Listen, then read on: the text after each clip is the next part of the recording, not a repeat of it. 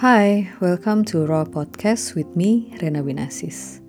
Why do we need a disaster? Beneran nih, do we need it?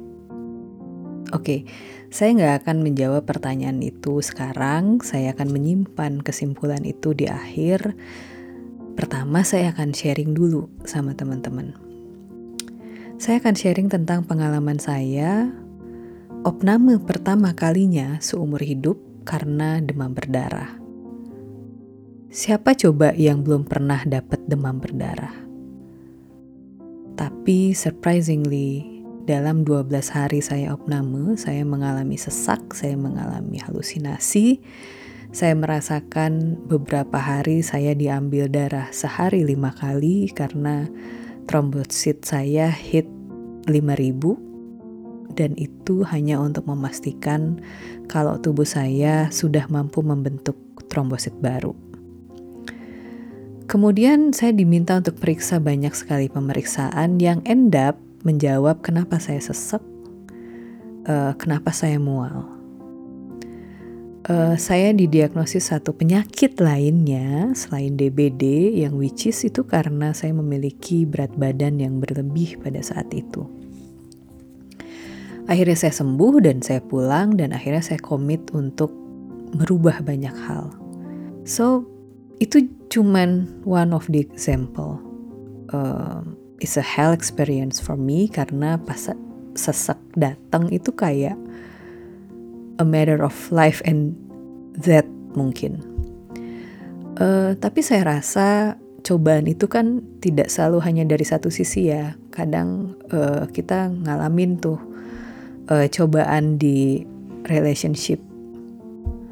Uh, mungkin teman-teman punya banyak lebih banyak pengalaman dari saya. Tapi yang paling umum yang saya lihat kadang uh, kita terlalu nyaman sama pasangan kita sampai itu pun sama seperti halnya kesehatan saya. Kita took for granted kita tidak menghargai atau kita tidak berusaha mencari tahu apa sih yang diperlukan oleh pasangan kita, atau paling sederhana, udah bilang sayang belum hari ini, udah bilang how much you care about them belum hari ini gitu. Kadang kita lupa hal-hal kecil karena menganggap itu adalah hal yang biasa dan pasangan kita tahu kok kalau kita sayang, pasangan kita tahu kok kalau kita cinta sama dia. Tapi itu kan persepsi kita. Kita harus sadar kalau nggak um, selamanya hal itu bisa kita terus lakukan. Mungkin saking kita nggak pernah ngomong how we care about them, mereka nggak pernah tahu. Gitu. Oke. Okay. Kita bahas tentang sisi lain ya. Mungkin uh, dari sisi pendidikan misalnya kadang kita santai banget nggak belajar gitu termasuk saya ya. Kadang kita santai banget nggak belajar dan menyimpan belajar itu di last minute pada saat besok mau ujian. Dan turn out hasilnya nggak maksimal. Gitu dan nyesel dong. Dan when we almost fail kita kayak push push push push push untuk belajar lebih bagus.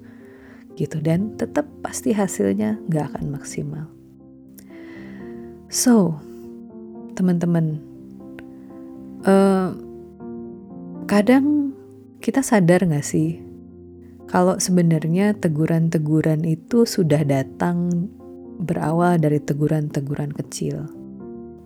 Misalnya buat saya, mungkin harusnya sadar, saya sadar pada saat berat badan saya udah mulai naik, harusnya saya berhenti makan gorengan. Gitu. Mungkin kalau uh, di relationship harusnya saya mulai sadar kalau pasangan saya mulai cranky means mungkin saya nggak terlalu ekspresif atau saya tidak memperlihatkan betapa saya sangat sayang dan mencintainya. Atau mungkin juga kalau saya belajar setiap hari saya nggak harus belajar uh, itu di last minute sebelum ujian dan saya lebih well prepared dan nilai saya lebih bagus.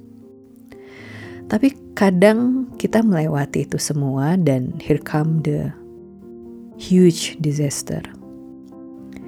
Dan tahu gak sih apa yang biasanya kita bisa lakukan karena when it comes to huge disaster, hanya satu yang biasanya kita lakukan.